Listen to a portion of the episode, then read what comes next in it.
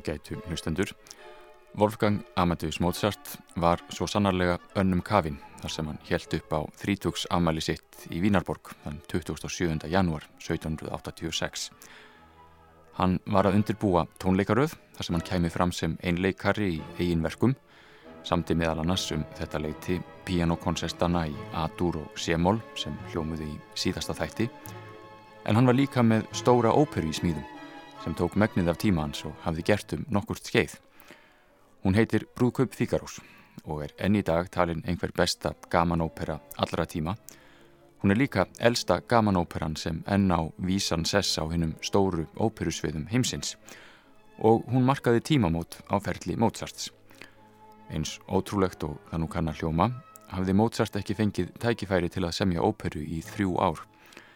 Hann hafði notað tíman til að svipast um eftir hendugum samverkamanni og góðum óperuteksta og nú hafði hann sem sagt fundið hvort vekja. Með brúköpi Fíkarós komst Mozart heldur betur á flug í heimi óperunar. Næstu sex árin samdan sex óperur til viðbótar og flestar eru þær meðal þeirra meistaraverka sem halda nafni hans og lofti enn þann dag í dag.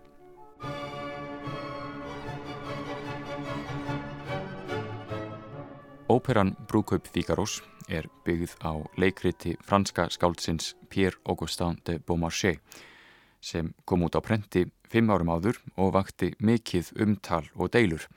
Ekki aðeins í Fraklandi, þar sem Lóðvík 16. bannaði að það er því sett á svið, heldur um alla Evrópu. Þetta er leikrit um vald og misbeitingu þess, um ástir og afbríðisemi og um hinnar ímsu flækjur sem setja svip á líf og störf rakarans og þjónsins ráðagóða Fígarós. Fígaró, Fígaró, Fígaró, Fígaró, Fígaró, Fígaró, Fígaró, Fígaró, Fígaró, Fígaró, Fígaró, Fígaró,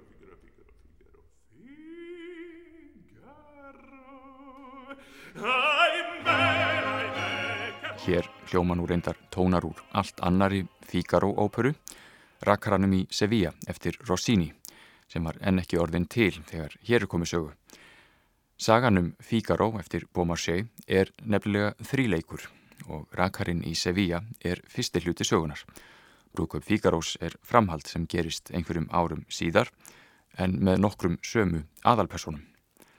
Rakarinn hafði einmitt verið síndur í óperubúningi í Vínarborg við sérlega góðar undirtæktir í útgáfu ítalska tónskáldsins Giovanni Paisiello og því þótti Mozart físilegt að halda áfram þar sem frá var horfið að semja Rakaran í Sevilla 2, svo talað sér tungumál Hollywood framleiðenda. En Brúköp Fíkarós var um margt eldfimara leikrit frá pólitísku sjónamiði en fyrra leikritið og sumt af því sem Fíkaró segir þar um aðalinn þótti fullkomlega óviðegandi. Þeir sem öllu réðu í Evrópu voru orðnir uggandi um stöðu sína nú þegar byltingar andar voru teknir að blása. Jósef Annar, austuríkiskeisari, hafði bannað að leikrit Beaumarchais yrði sínt á sviði en hann lefði að það veri gefið út á bók. Óperutekstinn komst líka í gegnum rittskoðun en það hafði samverkamaður Mozarts, Lorenzo da Ponte, skorið burt allt það sem helst tótti neikslanlegt.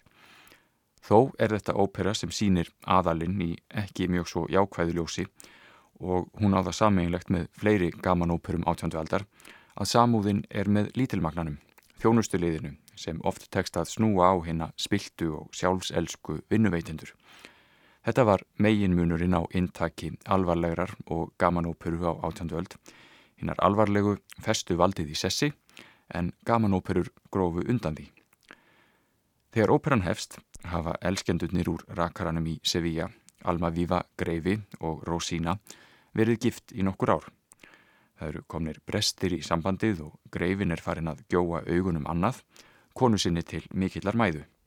Hjúin Fíkaró og Súsanna eru í þann mund að ganga í hjónaband en greifin gyrnist Súsunu og hyggst notfæra sér alda gamlan rétt sinn til að senga hjá henni fyrir brúköpsnóttina. Hún er jú þerna hans og vald hans yfir henni er því sem næst óskorað. Þegar tjaldir ís hefur greifin látið Fígaró og Súsannu í tíu nýjar vistarverur í höllinni. Fígaró er hæst ánaður með hjónaherbergið en Súsanna er viðbúin hennu versta. Hún bendir honum á að stutt sé þaðan yfir í herbergi greifans og hann geti allt eins tekið upp á því að senda Fígaró eitthvað burt og geti þá laumað sér inn í herbergið til Súsönu í þremur skrefum. Fíkaró viðurkennir að hér geti komið upp hættuleg staða en hann er ákveðin í því að láta hart mæta hörðu. Ef greifin vill dansa, segir hann, þá skal ég spila á gítarin.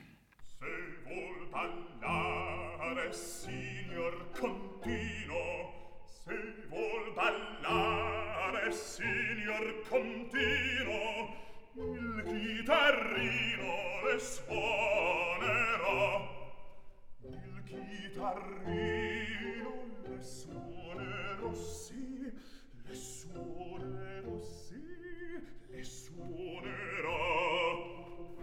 Fíkaró fær útrás fyrir gremju sína í garð Almavíða greifa og það vil svo skemmtilega til að þessi arja hans er menuett sem var dans aðalsins á átvöndvöld Lægri stjettir stegu yfirleitt, alltíðlegri dansa.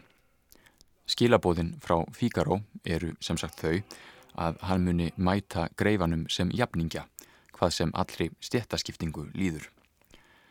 Fleiri personur bætast svo við leikinn og flækja málinn enn frekar, til dæmis læknirinn Dr. Bartolo sem enn hefur ekki fyrirgefið Fíkaró fyrir að hafa í fyrraleikritinu, þar að segja rakaranum í Sevilla, stuðlaðað hjónabandi Greifans og Rósínu.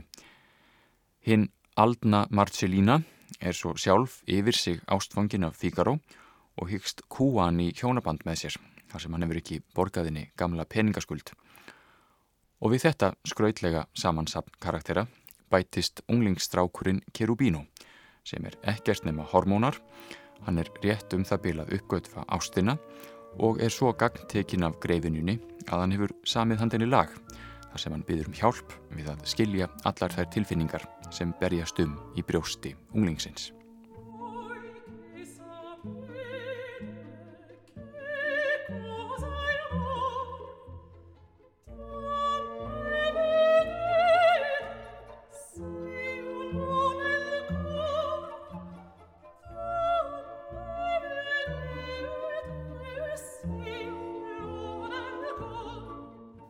Strákurinn Kerubino er ekki almenlega komin í mútur eins og heyram á en hann er gagn tekin af ást. Ég dæsi og stinn án þess að vilja það. Ég skelf án þess að vita hvers vegna. Finn hvorki frið að nóttu eða degi en það veitir samt einhverja sérkynnilega ánægu að dragast svona upp af ástarþrá.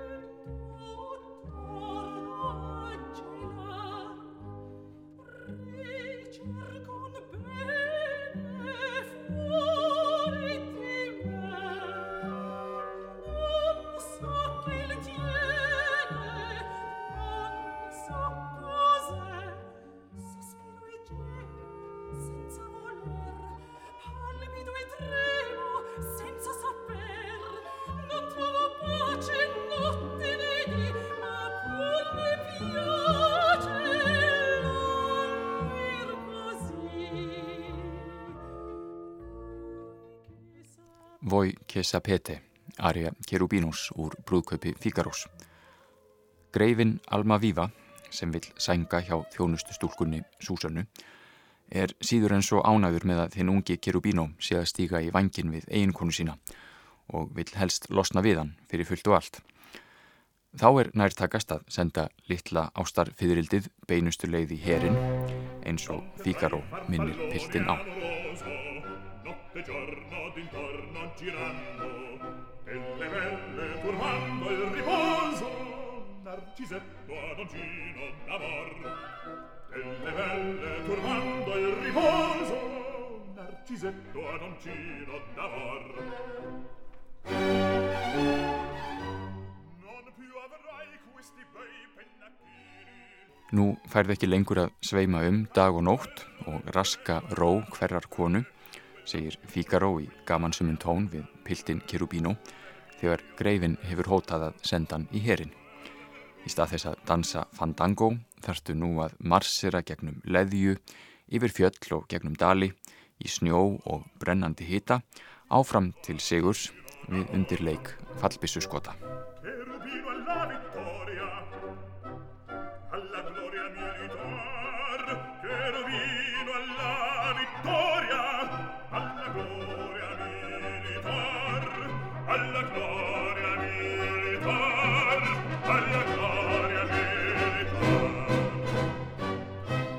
Hér er Fíkaró að hveðja stráklingin Kerubínu sem Alma Víva Greifi hefur hótað að senda í herin fyrir að vera aðeins of ástleitin við eiginkonu sína.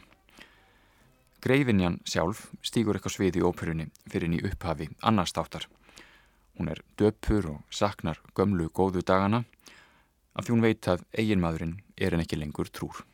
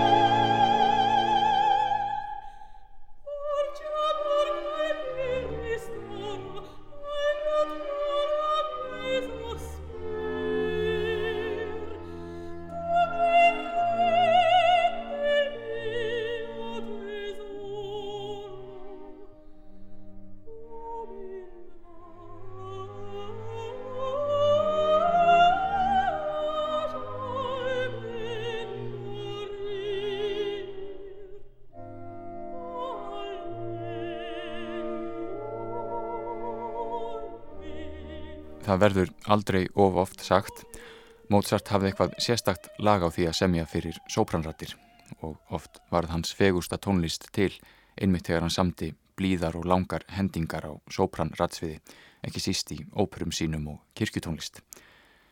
Greifinjan er sem sé hálf vangbrotin en Fíkaró og Súsanna telja hann á að mynda með sér bandalag og fella greifan á eigin bragði.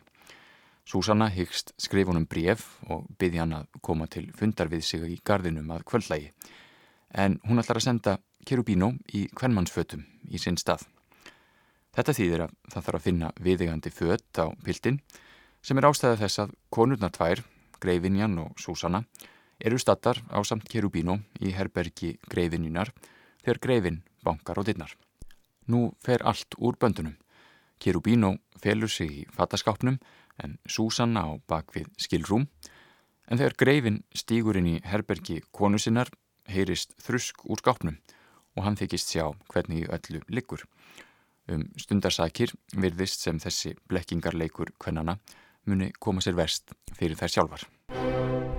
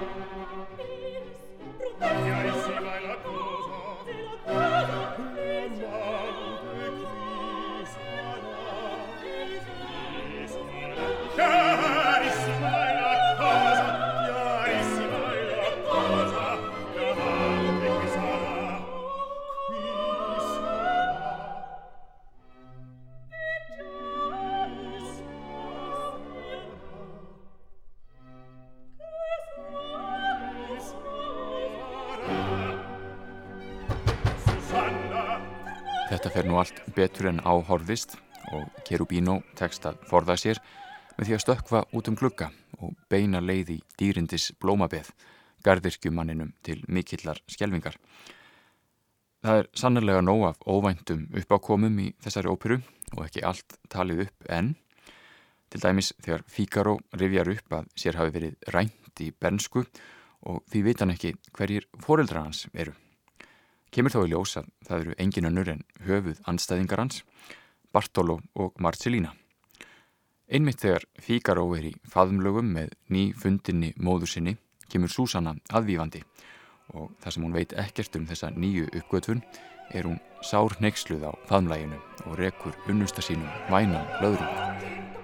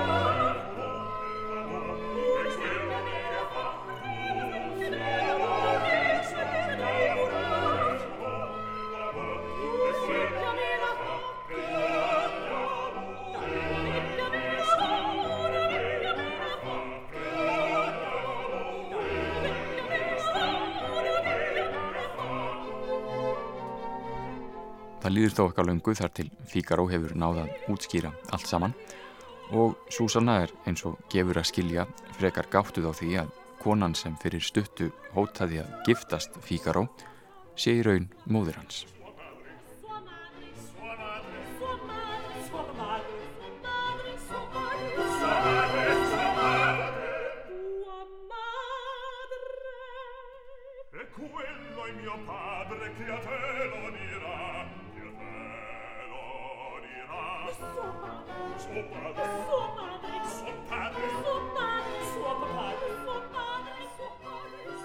Markam á frásagnir samtímamanna Mozarts var nokkuðum leinimakk í óperuheimi Vínarborgar um þetta leiti og keppinautar reyndu að klekja hver á öðrum þegar færi gafst. Gjarnan fór þetta eftir þjóðverðnislínum og þess vegna fannst Mozartan standa höllum fæti. Keppinautar hans voru flestir ítalskir og sumir voru kannski á þeirri skoðun að aðeins ítölsk tónskáld getu samið fyrsta flokks ítalska óperu. Það var ekki nema nokkrum dögum fyrir frumsýningu á brúðkaupi Fíkarós að hirðleikústjórin Orsini Rosenberg tilkynnti að sleppa yrði dansatriðinu í þriðjathætti þar sem Súsanna laumar að greifanum brefinu sem þær greifinjan hafa skrifað í saminningu. Keisarin hafði nefnilega bannað balletta í óperum í Vínarborg sem í sjálfu sér var ekki nema skiljanlegt. Til dæmis í Fraklandi og Ítalíu týðkaðist að bæta við óperur ballettum sem áttu ekkert skilt við efnið og gáttu auk þess varað óurlega lengi. Fyrir þá sem ekki voru sérstakir ballett áhuga menn var þetta ekkert annað en ávísun á leiðindi. Sem sagt, heið besta mál í sjálfu sér en nú heimtaði Rosenberg að þetta stutta dansatriði Mozarts Fandango sem stígin er á sviðinu á meðan hinn leinilega skeitasending er til líktaleit yrði skorið burt úr óperunni. Mozart er sagður hafa verið alveg æfur þegar hann fregnaði þetta en Da Ponte, textahöfundinum, tókst að sannfæra keisaran sjálfan um að mæta í óperuhúsið og fylgjast með lokaæfingunni. Það var jú hendugt að geta skotist á eina óperuæfingu þegar það var innangengt úr höllinni í óperuhúsið eins og raunin var í Burgteater í Vínaborg. Þegar komað einmitt þessu atriði þagnaði tónlistin en dansararnir stigu spórin eins og venjulega. Jósef Annar varð forviða og heimtaði að dansin yrði settur aftur inn. Við Habsborgar hyrðina var því auðvitað þannig háttað að ef keisarin heimtaði eitthvað var því hrindi framkvæmt tafarlaust. Þegar atriðinu laug með tónlist á keisarina hafa sagt Já, auðvitað, þetta er fínt svona.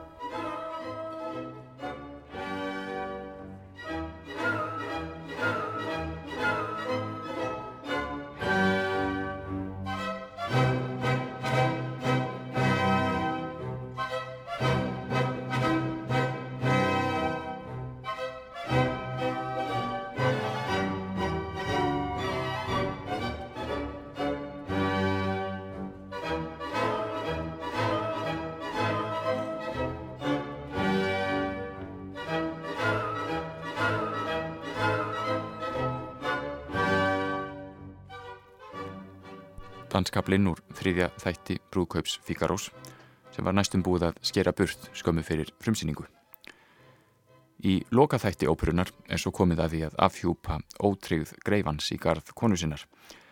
Þær Súsanna og greifinjan hafa skrifað honum bref þar sem Súsanna byður hann að finna sig í Hallargarðinum setnum kvöldið en greifinjan sjálf ætlar að hitta hann þar, klætt sem Súsanna. Til að flækja hlutina örlíti meira hefur Fíkaró frétt af því að Greifin og Súsanna eigi stefnumót. Hann er auðvitað ekki par ánaður með það og er sjálfur mættur til að fylgjast með framvindu mála. Súsanna ákveður að gera honum dálítinn grikk. Hún syngur ægi fagra arju sem Fíkaró tólkar fyrst á þá leið af sé ástarjáttningarnar til Greifans. En í raun er Súsanna hér að tjá tilfinningar sínar í gard Fíkarós. Komdu, gleðin mín indislega komdu þangað sem ástinn kallar þig.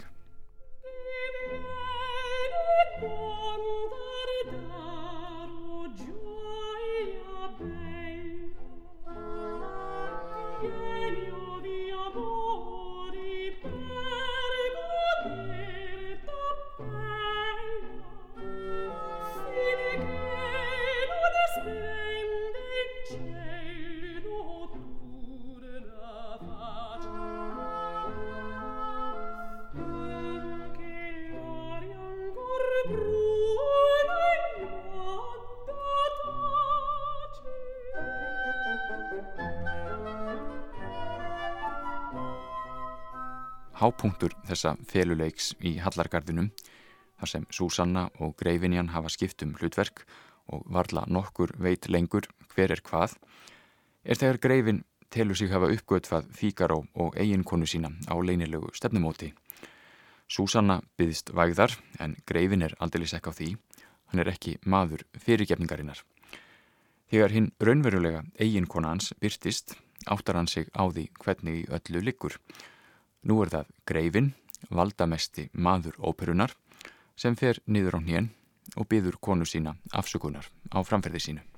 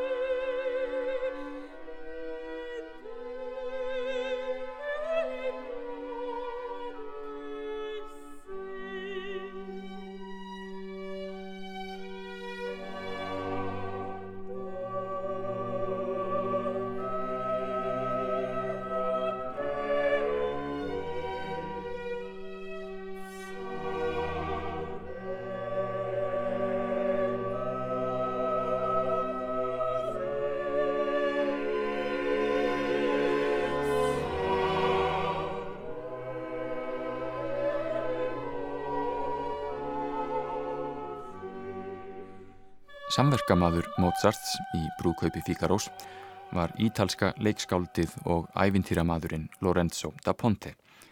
Hann var upphaflega kathólskur prestur en var gerður útlægur úr fennium fyrir ósiðlegt líferni eftir að uppkomst að hann átti hjákonu og tvö börn.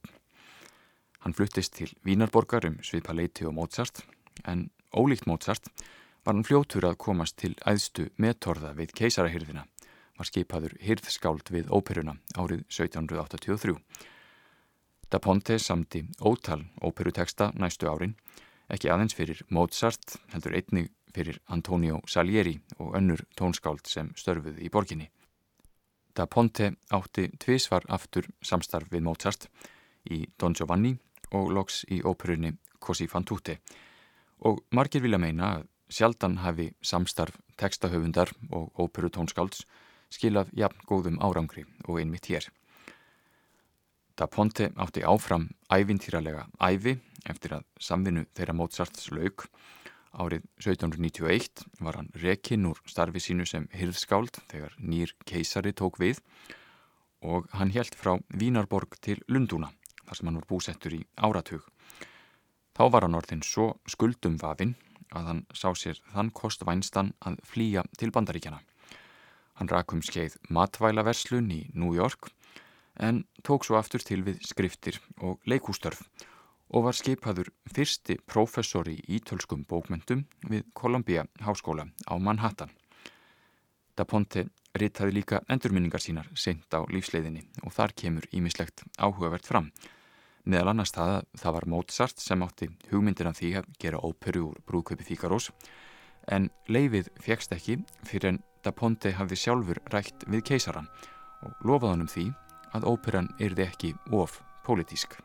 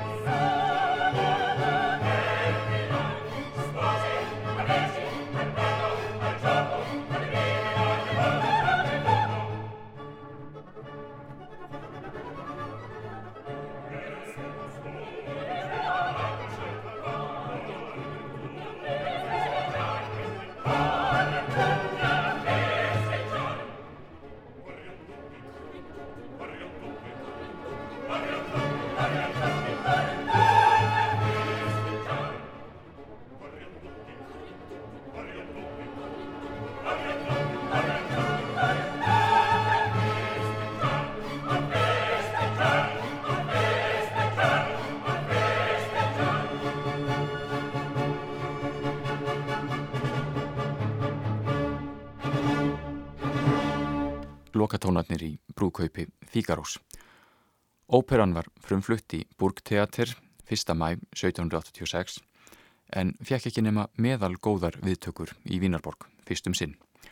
Hún var sínd nýju sinnum sem taldist gott en engin stór sigur og eins og lesamátt í einu dagbladana voru Vínarbúar á báðum áttum um þetta nýja verk. Kunnáttumenn í músík dáðust að tónlist herra Mozarts þegar við frumflutningin, þó að þeim undanskildum sem vegna eigin sjálfselsku og hégóma geta aldrei borið lofsirði á neitt sem þeir hafa ekki sjálfur skapað. En almenningur, aftur á móti, vissi eiginlega ekki á fyrsta degi hvar hann stóð. Hér hljómuðu ótal braf og köll frá fordómalausu kunnáttu fólki en óstýrilátir aular á efstu svölum nýttu sín út leiðu lungu til að yfirgnæfa með öllum mætti bæði söngvara og áherendur með bauli sínu og öðrum óhljóðum og því voru mjög skiptar skoðanir þegar leiknum lauk. Í sömum blöðum mátti lesa að þið nýja ópera Mozarts hafi alls ekki fallið í kramið.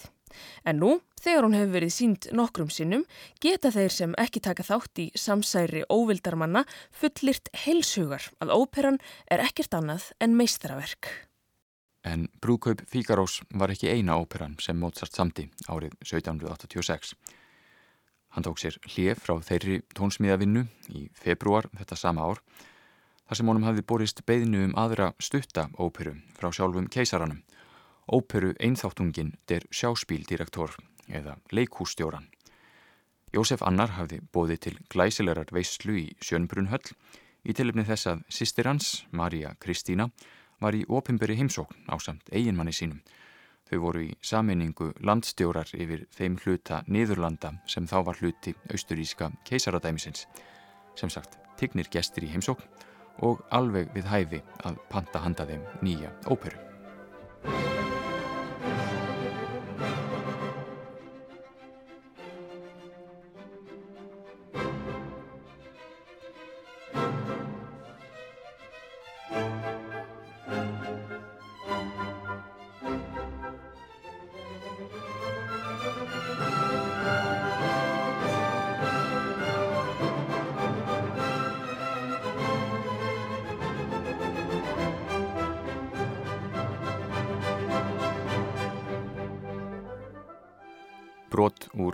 Forleiknum að leikhússtjóranum, þetta er sjáspíldirektor eftir Mozart. Þetta er stuttur skemmtileikur um það sem gerist baksviðs í óperuheiminum um prímadonnur og útblásinn ego, launakröfur og baktjaldamakk. Raunar voru tveir óperu einþáttungar frumflutir í Sjönnbrunn höllinni þennan dag eftir sitt hvort tónskáldið og á sitt hvoru tungumálinu.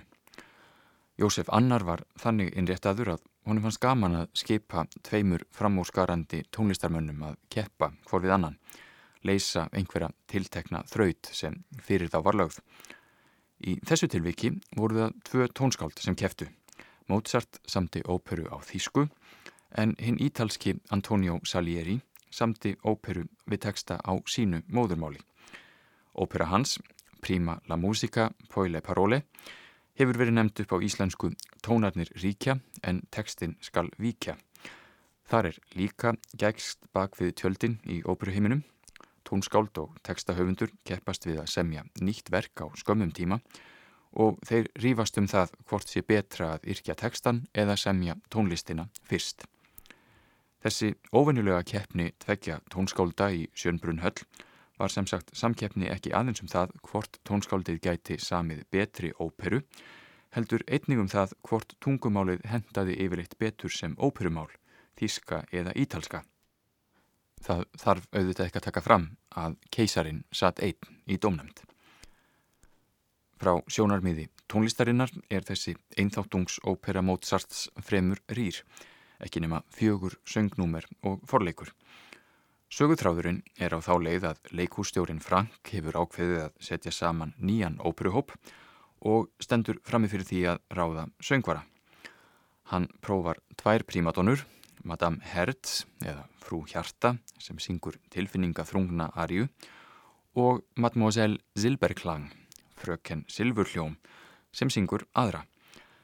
Hann getur ekki gert upp á millið þeirra og ákveður að ráða báðar.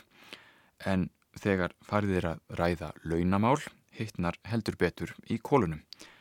Leikústjórin býður báðum sömu laun, en þær heimta hvorum sig að fá betur borgað en keppinauturinn. Ég bindi erste sengerinn, syngja þær hvori við aðra. Það er ég sem er aðal söngkonan. Ég bindi erste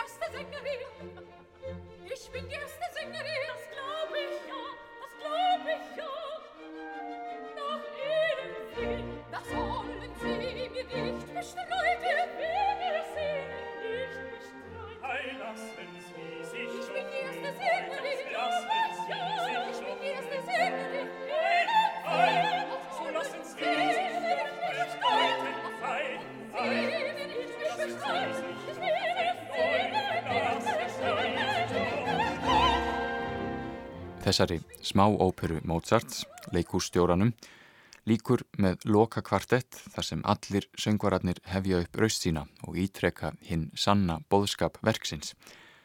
Það er skilda hvers listamanns að leggja sig allan fram, segja þau, en sá listamaður sem setur sig á hærri stall en hinnir smækkar sjálfan sig.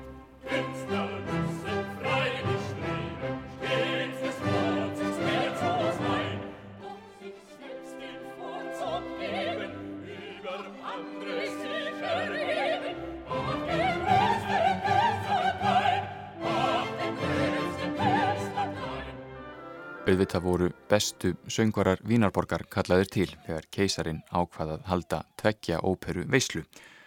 Aloysia Lange, áður Aloysia Weber, fyrsta ást Mozart og núverandi Mákona, sönglutverk Madame Hertz og Katarína Cavalieri, hinn meinta ástkona Salieris sem áður hafi sungið aðalhutverkið í brotnáminu úr kvennabúrunu, söng fröken Silberklang.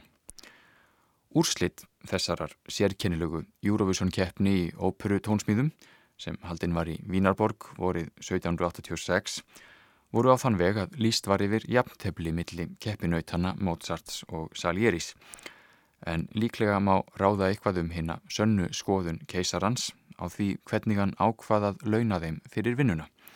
Mozart fekk 50 dúkata en Salieri 100. Það er líklega ekki setna vætna að kynna til sögunar þennan valda mikla mann í tónlistarlífi Vínarborgar. Antonio Salieri var fættur á Ítalíu árið 1750 og var því sex árum eldri en Mozart.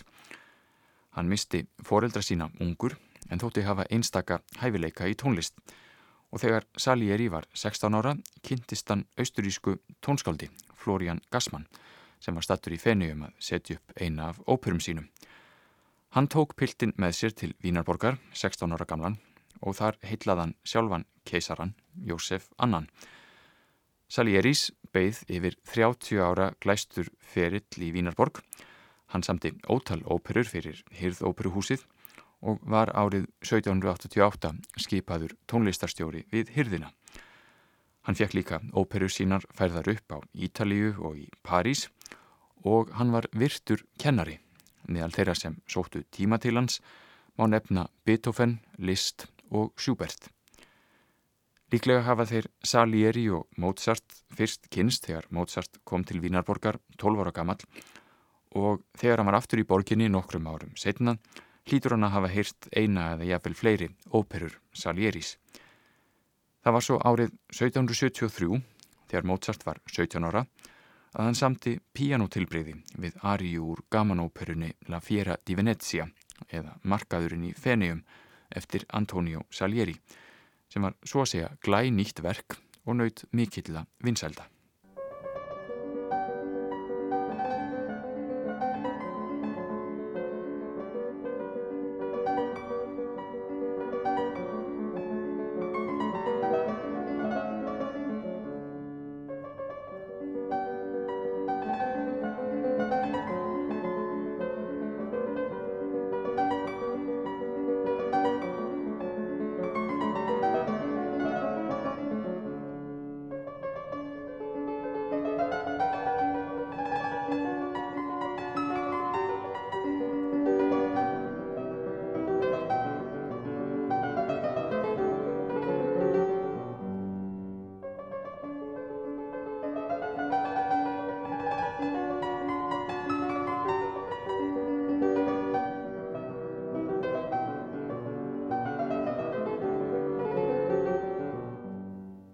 Tilbreyðum hins 17 ára gamla Mozarts við stef úr einni af óperum Salieris.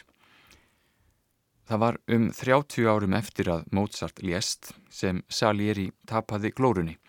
Hann var vistaður á geðsjúkrahúsi síðustu ár æfinar.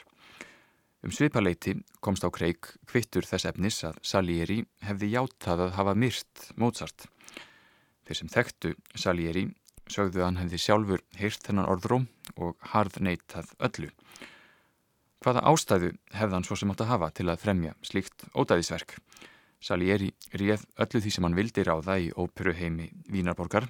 Hann hafði hærri laun og fleiri tækifæri til að koma verkum sínum á svið. Þannig að í raun hafði Mozart meira tilefni til að riðja honum úr vegi en öfugt. Hitt má til sannsvegar færa að Salieri reyndist Mozart aldrei diggur bandamaður.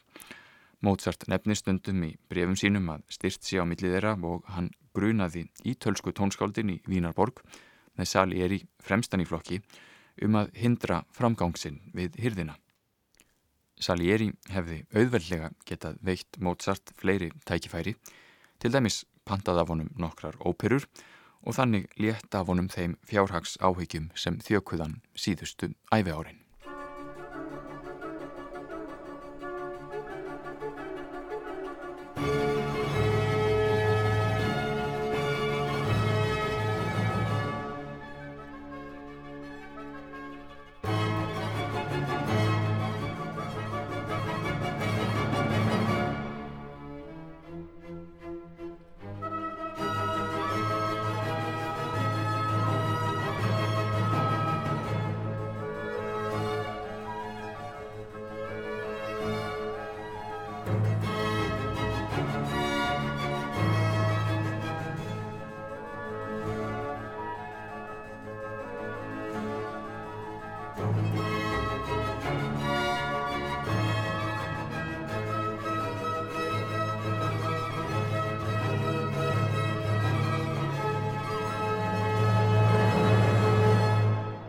Forleikur að einni af óperum Salieris.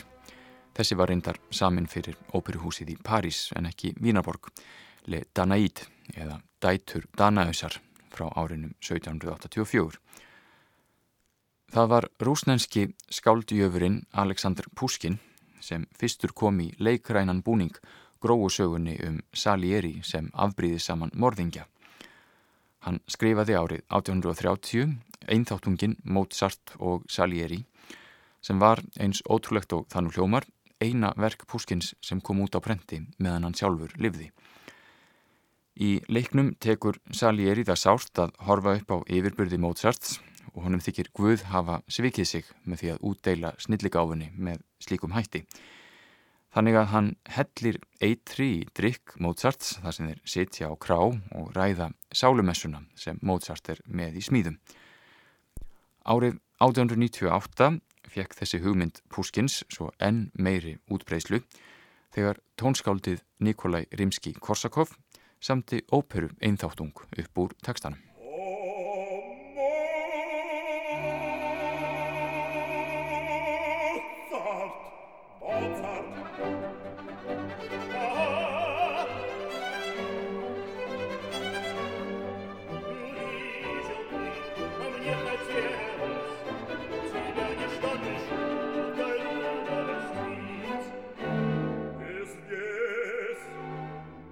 Hérna ræðast þeir við, rekjalómurinn Mozart og hinn alvöru gefni Salieri í óperu einþáttungnum Mozart og Salieri eftir Nikolai Rimski-Korsakov við texta Púskins. Þennan þangagang Púskins um hinn afbríði sama Salieri tók enska skáldið Pítur Sjaffer svo laungu síðar upp í viðfrækt leikrit sitt Amadeus.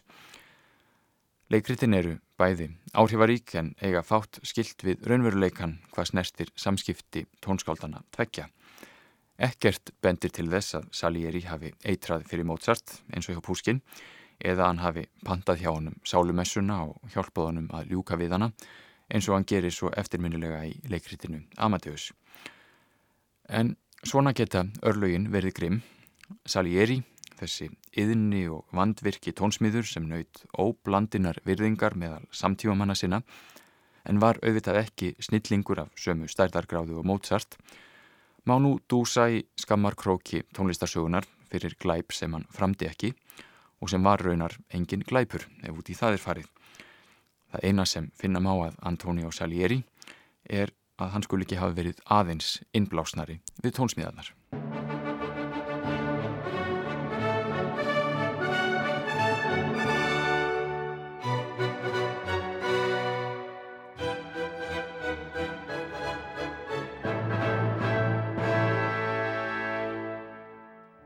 Þetta fjækst Antonio Salieri við um það leiti sem Mozart samti brúðkaup Fíkarós. Forleikur af hetju gamanóperu um mongóla höfðingjan Kublai Khan. Mozart var eftir sem áður önnum kafin setni hluta árs 1786 þegar brúðkaup Fíkarós hafði verið frumflutt snýr hann sér að smæri verkum af ýmsum toga. Eitt þeirra var til í byrjun ágúst þetta sama ár tríó fyrir hérna óvenjulegu og raunar með öllu fordæma lausu samsetningu, klarinettu, víólu og píanós. Þetta tríó er almennt kallað kegelstatt eða keiluspils tríóið því sagan segir að Mozart hafi samið verkið á meðan hann spilaði keilu. Þetta er þó ekki alveg sannleikanum samkvæmt. Aftur á móti samti Mozart annað verk rúmri viku síðar, nokkra duetta fyrir tvö horn og skrifaði sjálfur á handritið að því verki að hann hefði samið það á meðan hann spilaði keilu. Þessir duettar eru ólíkt einfaldari tónsmiðar en tríóið og í sjálfu sér engin ástæði til að draga þessa fullirðingu í Eva en eitthvað hafa staðrindirnar skólast til á 19. öld og þá var farið að hafa keilusöguna um tríóið fyrir klarinett og víólu. Mozart samti Kegelstadt tríóið fyrir Clemensu von Chacun sem var einn efnilegasti píanuneymandans. Bróðir hennar Gottfríd var líka einn af nánustu vinum Mozarts. Þetta var tónlist fyrst og fremst samin til að veita Mozart sjálfum og vinumans ánægu. Allt bendi til þess að Mozart hafi sjálfur spilað víólupartin eins og hann átti vanda til en Franziska spilaði á píanóið. Það var svo vinur þeirra begja, Anton Stadler, einn fremsti klarinettleikari Vínaborgar og fast ráðinn við hyrðhljómsveit keisarans sem slóst í hópin.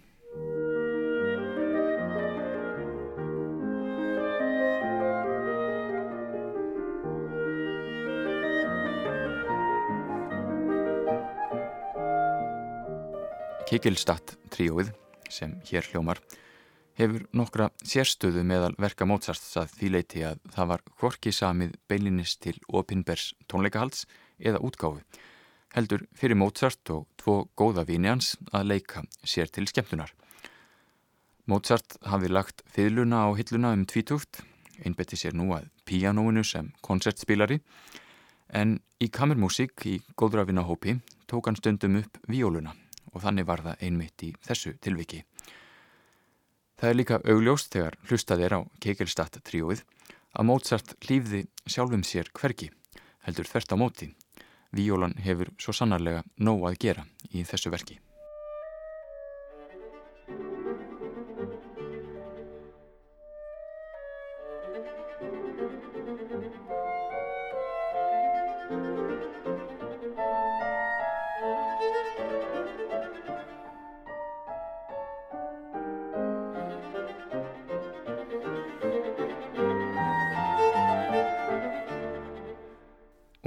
Kegelstadt tríónu K498 eftir Mozart samið í ágúst 1786. Setna þetta sama ár bætti svo við N1 pianokonsertin, sá nr. 25 í sétúr. Líklegt þykir að Mozart hafi samiðanan konsert fyrir fyrirhugaða tónleikaröð sína í Vínarborg á aðvendu 1786 en að hann hafi síðan hætt við allt saman væntanlega af því honum tókst eitthvað tryggja nægan fjölda áskrifenda.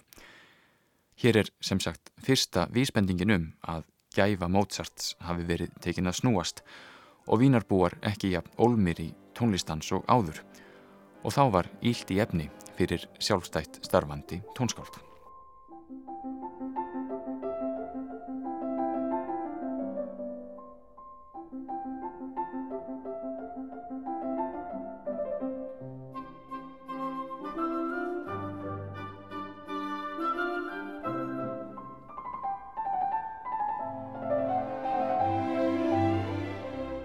Pianokoncertin nr. 25 var hugsanlega einn fyrirbóði um það sem komaskildi næstu ár þegar fræðastjarnar Mozarts rapaði all snöglega í Vínarborg.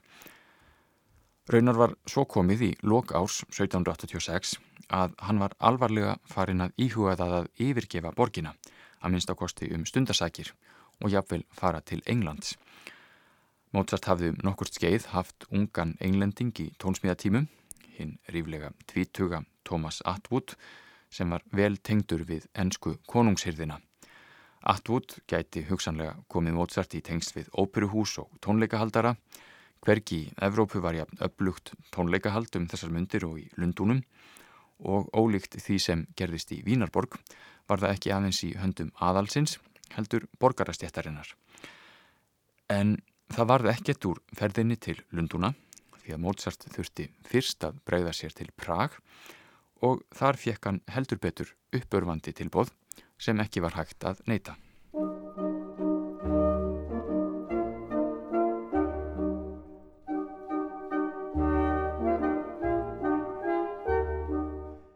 Janúar og februar 1787 var brúðkaup Figarós sett á svið í Prag og Mozart helt þangað til að fylgjast með æfingum. Íbúar Vínarborgar hafðu því miður reynst fyrðu sinnulausir um tónlist Mozarts en það var að minnstakosti huggun harmi gegn að í Prag var áhugin ólíkt meiri. Það var ekki nómið að borgarbúar flyktust til að sjá óperuna, heldur voru arjurnar úr enni útsettar á ímsan máta fyrir hina og þessa hljóðfærahópa. Það hljómiðu meira segja á dansleikjum borgarinnar eins og Mozart rakti í brefi til vinarsins í Vínarborg Gottfrieds von Schakan hinn 15. janúar 1787.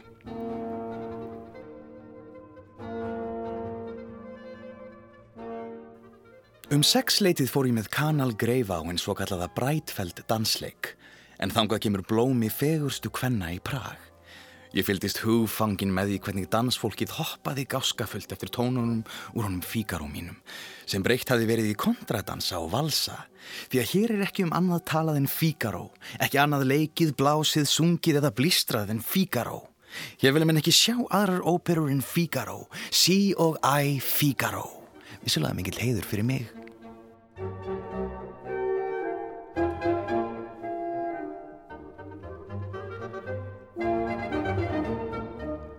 Mozart helt tónleika í óperuhúsinu í Prag 19. janúar 1787. Lék þar við mikinn fögnuð, eigin verk og spann af fingrum fram á píanóið eins og hann átti vanda til. Hann hafði líka í farteskinu nýja sinfoníu sem hann hafði samið sérstaklega fyrir tónleikana. Hann samdana í Vínarborg rúmum mánuði áður en þar sem hún var frumflutt í Prag fekk hún viðurnefnið Prag-sinfonían. Viðtökurnar á brúðkaupi Fíkarós í Prag voru svo góðar að leikhústjórin pantaði nýja óperum frá þeim Mozart og Da Ponte, sérstaklega fyrir óperuhús borgarinnar. Hún var tilbúin setna sama ár og var enn eitt meistarverkið Don Giovanni. Um hana verður fjallanánar í næsta þætti og auk þess verður rakinn sagan af fjárhagsvandræðum Mozarts sem júkust ár frá ári einmitt um þetta leiti. En við ljúkum þessum þætti á gladværum tónum úr Prag-symfóníunni sem var feiki vel tekið í heimsókn Mozarts til borgarinnar í janúar 1787. Góða stundir.